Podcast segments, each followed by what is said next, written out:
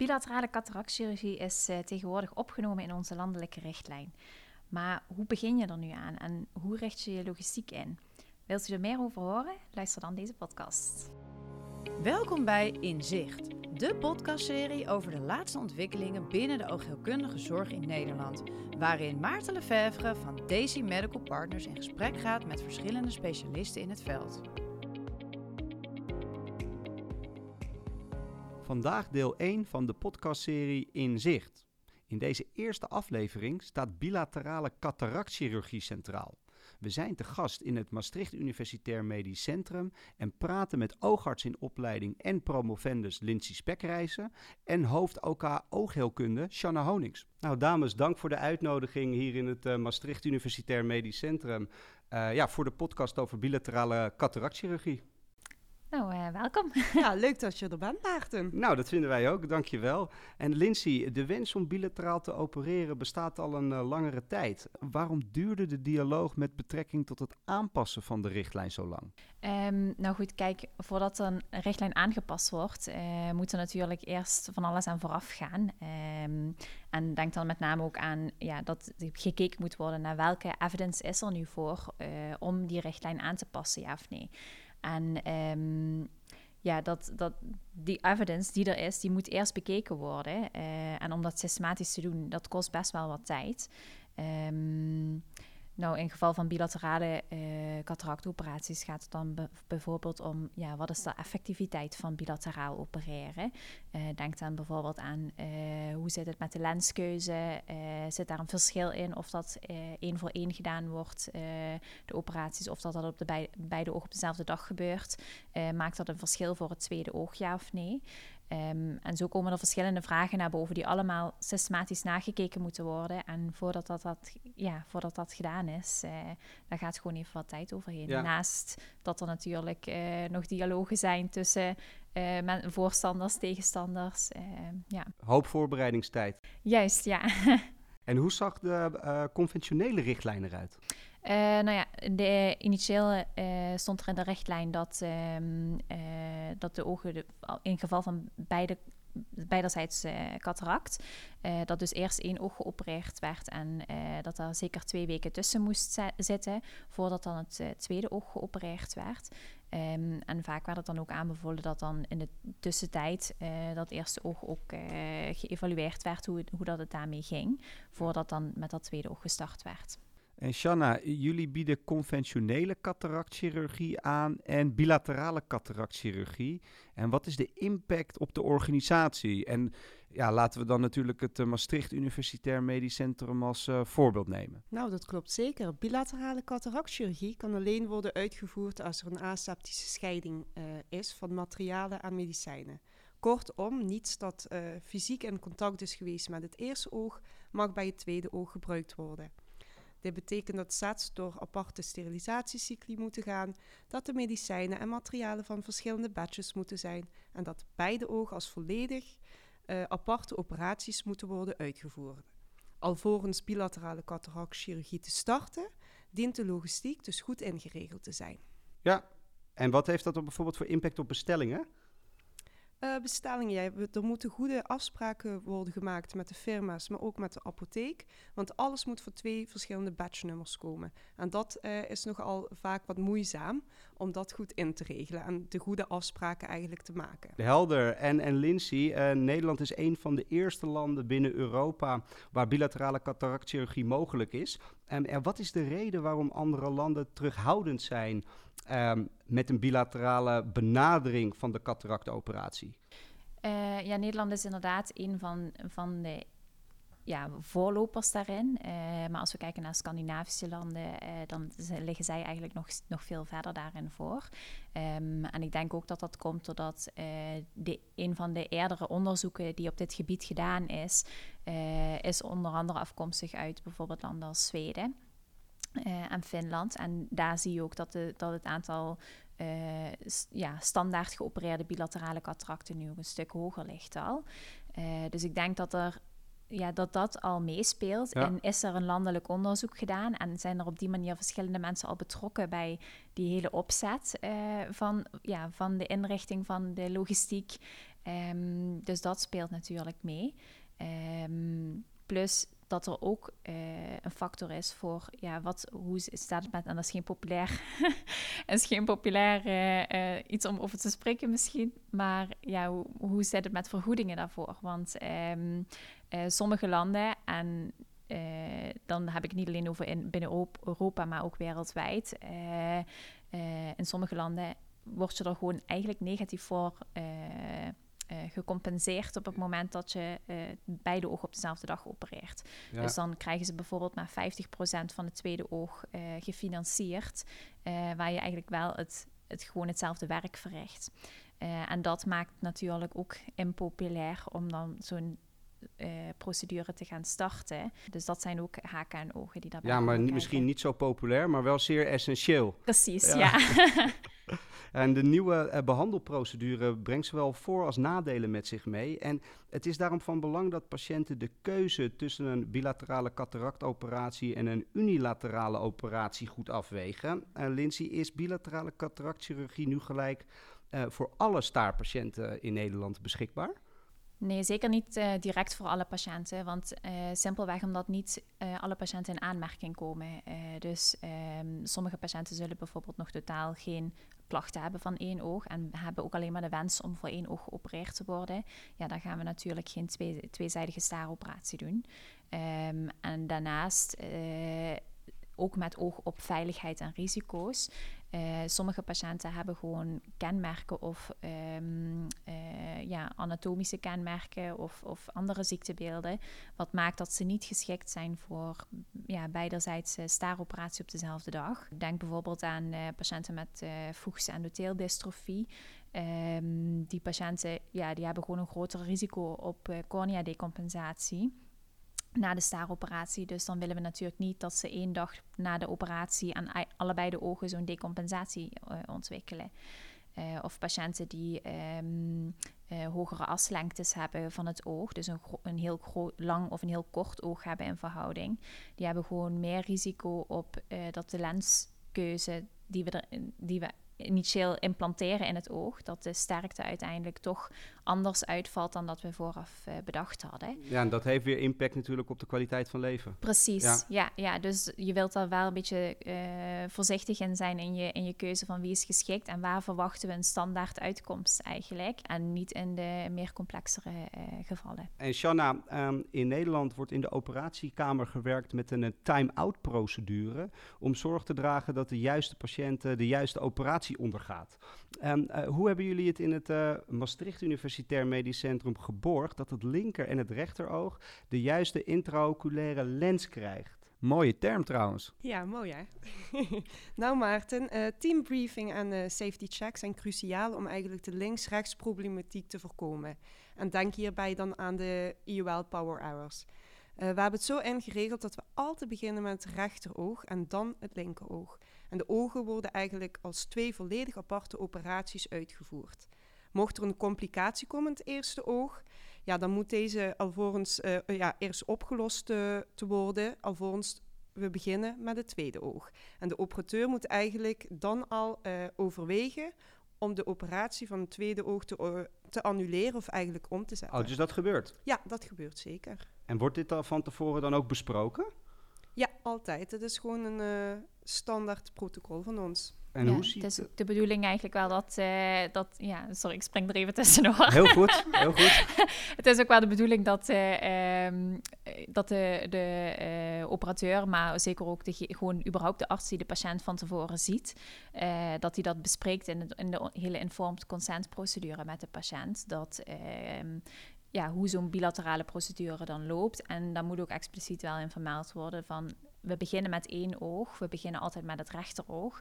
Uh, en mocht het zijn dat er iets niet volgens plan loopt met dat rechteroog, ja, dan kan het zijn dat we het linkeroog voor de veiligheid toch moeten uitstellen. Ik denk dat dat wel iets is wat uh, standaard in het informed consent procedure moet zitten. Ja, en zo kan de patiënt eigenlijk ook uh, zelf afwegen en meebeslissen of dit een prettige manier van opereren is voor hem of haar. Ja, precies. En vaak, ik merk ook wel dat zelf, dat als je dat zo bes bespreekt met patiënten, Um, dat, dat geeft ook wel een stukje rust in, uh, ja, in hoe ze aankijken tegen bilaterale operatie. Want sommige patiënten vinden het initieel dan toch een, beetje een spannend idee. Uh, maar denken dan wel van, goh ja goed, als er iets gebeurt, dan wordt mijn tweede oog in ieder geval wel op een later moment uh, gedaan. Ja, en, Shanna, uh, hoe ziet het proces eruit van een uh, bilaterale cataractoperatie die in de praktijk uit wordt gevoerd? En misschien wel goed om dan even van begin tot eind uh, ja, te bespreken. Jazeker. Nou, de patiënt wordt eigenlijk gepland door ons planningsbureau. Ze komen de dag van elkaar eigenlijk, melden ze zich op het dagcentrum op niveau 3 in de oogtoren. En dan worden ze eigenlijk door de medewerkers ontvangen. Zij schrijven de patiënt in, ze zorgen voor de safety checklist. En eigenlijk wordt dan eigenlijk gezorgd dat beide ogen de midriase wordt uh, verzorgd, zodat ze klaar zijn voor de OK. Uh, de volgende stap waar ze naartoe gaan is eigenlijk naar de anesthesie. Dat is onze holding. Daar krijgen de patiënten eigenlijk een topicale verdoving. Uh, dat doen we alleen aan het rechteroog op dat moment. Dan gaat de patiënt de OK op. We zorgen ervoor dat de patiënt rechteroog helemaal apart wordt afgedekt.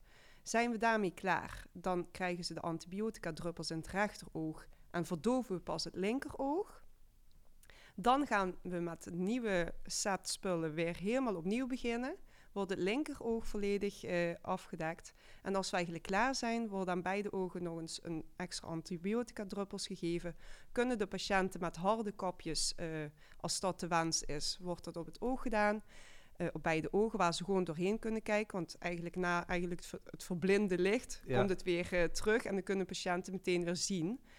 Of ze krijgen helemaal niks erop als dat hun wens is. En eigenlijk het voordeel daarvan is dat ze meteen kunnen starten met hun antibiotica. Ja. Dus ze kunnen eigenlijk beginnen met druppelen, wat ook weer uh, ja, positief is. Mooi om te zien hoe nou dit eigenlijk allemaal luistert, hè, die veiligheid. En um, uh, Lindsay, jij zei al wat over de effectiviteit zojuist. Hè. Wat is nou het verschil in effectiviteit tussen de conventionele en de nieuwe manier van opereren?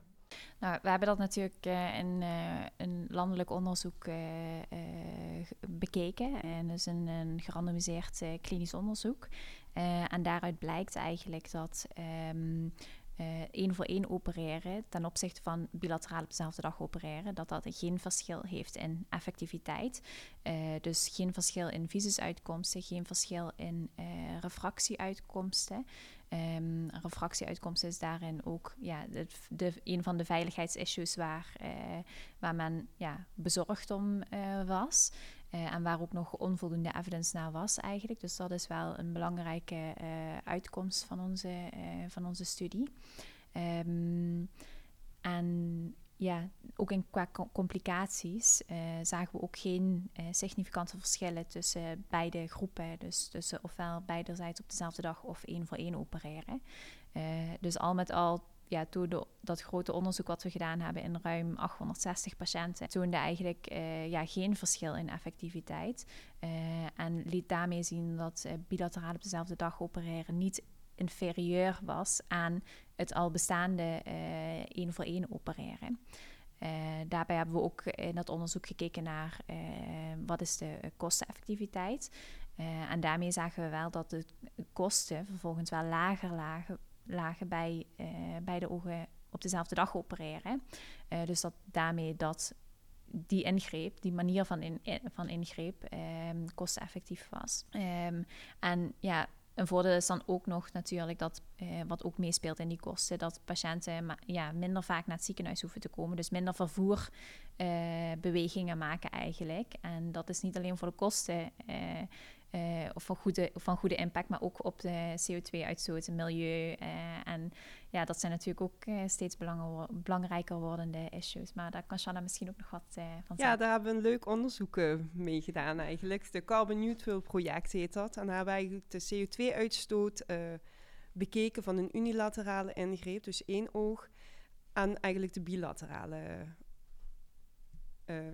ingreep. Dus uh, ja. dat was wel leuk om te zien dat inderdaad op transport ook heel veel uh, gewonnen wordt. Omdat de patiëntenflow naar het ziekenhuis uh, veel minder wordt. Ja, en volgens mij zei je er net al wat over. Ik kan me ook voorstellen dat het qua voorbereiden wel een verschil met zich meebrengt. Hè, tussen de twee verschillende manieren van opereren.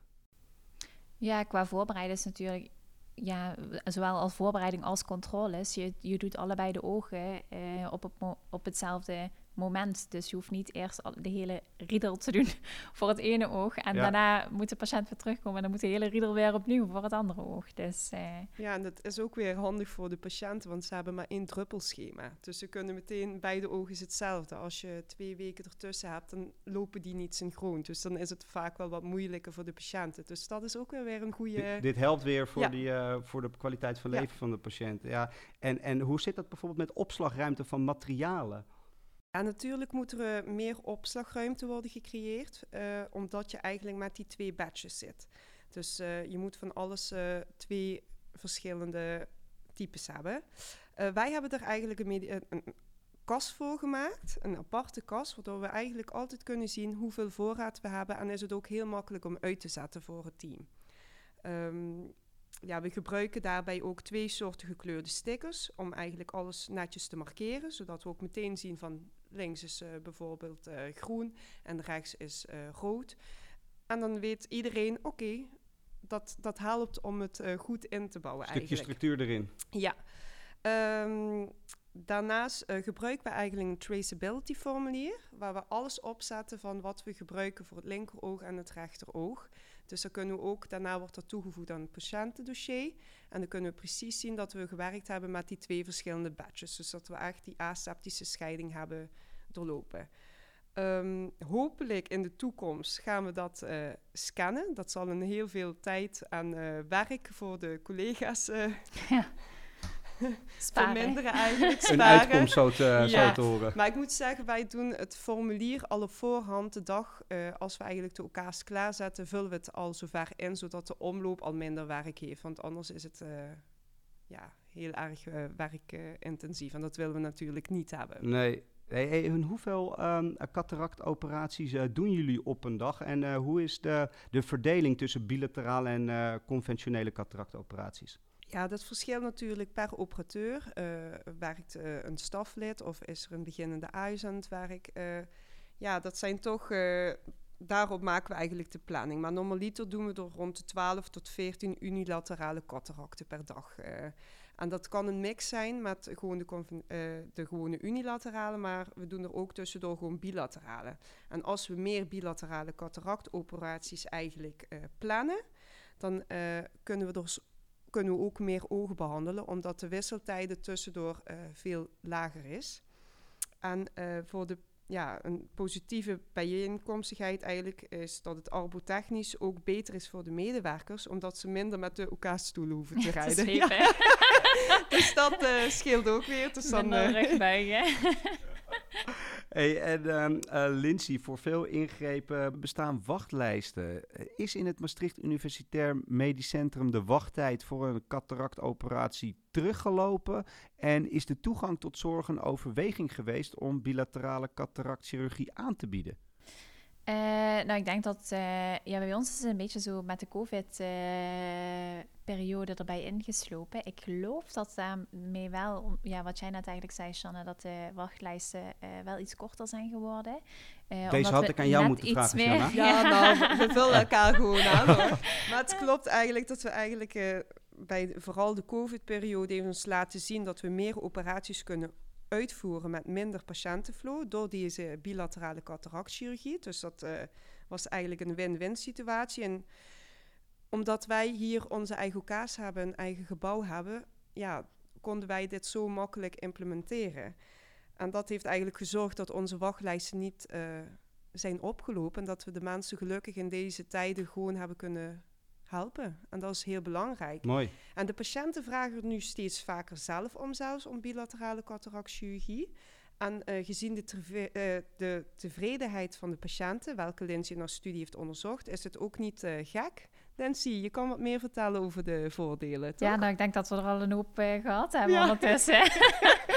maar eh, ja, je noemde zelf al natuurlijk met het druppelen dat dat minder is. Eh, maar ja, als een patiënt aan beide ogen tegelijk geopereerd is, dan ehm, is het herstel van beide ogen loopt ook gelijktijdig. Dus het is niet zo dat eerst het ene oog het hele herstelproces moet doorlopen en dat ze daarna weer terug moeten komen voor het andere oog. Eh, dus wat dat betreft is de totale herstelperiode is korter. Ehm, ik heb ook van patiënten teruggehoord, bijvoorbeeld die ZZP'er zijn. eh, dat dat ja, voor hun echt wel scheelt in het ja, omzetverlies wat ze bijvoorbeeld draaien. nou goed, de grootste populatie zal natuurlijk niet meer werkend of, of ouder zijn, zeg maar, in een pensioen misschien zitten. Maar dat zijn voor bepaalde mensen kunnen dat echt, echt voordelen zijn. Uh, ja, goed, de druppelschema hadden we net al gezegd. Um, uh, de, de patiëntvisites naar het ziekenhuis uh, zijn, zijn minder. Zo, ja, want de controle voor de, voor de ogen kan bij de ogen op één controle gecombineerd worden. Ja, reistijd wordt natuurlijk toch vaak als... precies. Ja.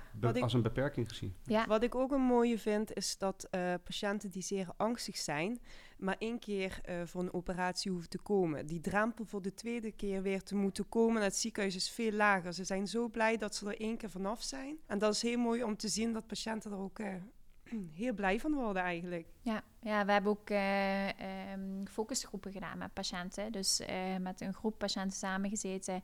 Uh, en die patiënten zelf laten vertellen van... Goh, wat vinden ze nou van zo bilateraal opereren? Um, en daar kwam ook eigenlijk ja, alleen maar voordelen naar, naar voren. En als ik dan vroeg van, kunt u ook nadelen benoemen? dan, dan bleef het een beetje stil. uh, dus Goed dan moest ik, ja, dus dan moest ik er, moesten we een beetje uh, proberen naar boven te halen. Um, uh, maar ook ja, dat mogelijk een tweede oog uitgesteld wordt of complicaties, dat werd ook niet door patiënten als een negatief er ervaren. Juist doordat dus in het informed consent, wat we eerder al zeiden, um, uh, besproken is van het kan zijn dat als er een complicatie optreedt in het eerste oog, dan wordt het tweede oog uitgesteld. En um, zij geven dan ook aan van ja, god, als, het, als we het één voor één doen, dan bestaat ook in allebei de ogen het risico op een, complicatie. Dus voor, voor patiënten, in ieder geval de patiënten die wij gesproken hebben in die focusgroepen, bleek dat niet een, um, een nadeel te zijn. En Shanna, ehm, hoe heeft uh, de bilaterale cataractoperatie de samenwerking tussen de leden van het uh, OK-team bijvoorbeeld beïnvloed? Ik kan me voorstellen dat dat uh, ook invloed heeft. Altijd, altijd. Maar ik moet zeggen, als het, het OK-team en de logistiek zijn in de bilaterale cataractchirurgie echt het fundament. Hier staat het of valt het mee. Dus als dat goed is ingeregeld, dus de, het team is goed getraind en de logistiek is goed ingericht, zoals we al eerder hebben besproken, dan loopt deze vorm van opereren uitstekend. En dan kan het ook gewoon zijn dat je gewoon unilaterale en dan een bilaterale cataract doet en dan weer een uni... De medewerkers, het team, dat moet uh, ja, dus zo goed getraind op elkaar dat het eigenlijk heel goed gaat. Dus maar, ja, maar dat is ook wel belangrijk dan denk ik voor andere centra. Dus de training is wel essentieel. Ja, gewoon weten, goede uh, afspraken maken. Dus eerst altijd met rechts beginnen, dan pas met links. En als je dit soort zaken gewoon goed aanhoudt en de logistiek goed hebt ingericht, dus dat je de twee badges hebt, um, dat je alles op voorraad hebt, dan kan het eigenlijk niet meer misgaan. Dus dat fundament moet er echt zijn, wil je dit goed kunnen uitvoeren. Ja, routine als ik het zo hoor ook. Zeker routine ook. Ja. Ja. ja. dat denk ik ook. Ja, ik denk ook dat het valt of staat met een goede logistiek. Ja, ja. en Lindsay, verwacht jij uh, dat de richtlijn op korte termijn nog aangepast zou moeten worden? Mm, op korte termijn denk ik niet zozeer. Uh, want de evidence die we nu hebben, um, ja, op basis daarvan is ook de huidige richtlijn eigenlijk uh, gemaakt. Um, ja, ik denk dat hoe het, nu verloopt in de toekomst en eventueel uitkomsten van toekomstig onderzoek, um, wellicht dat die weer nieuwe inzichten gaan laten zien ten aanzien van bijvoorbeeld uh, scheiding van, van wat wel, wat niet.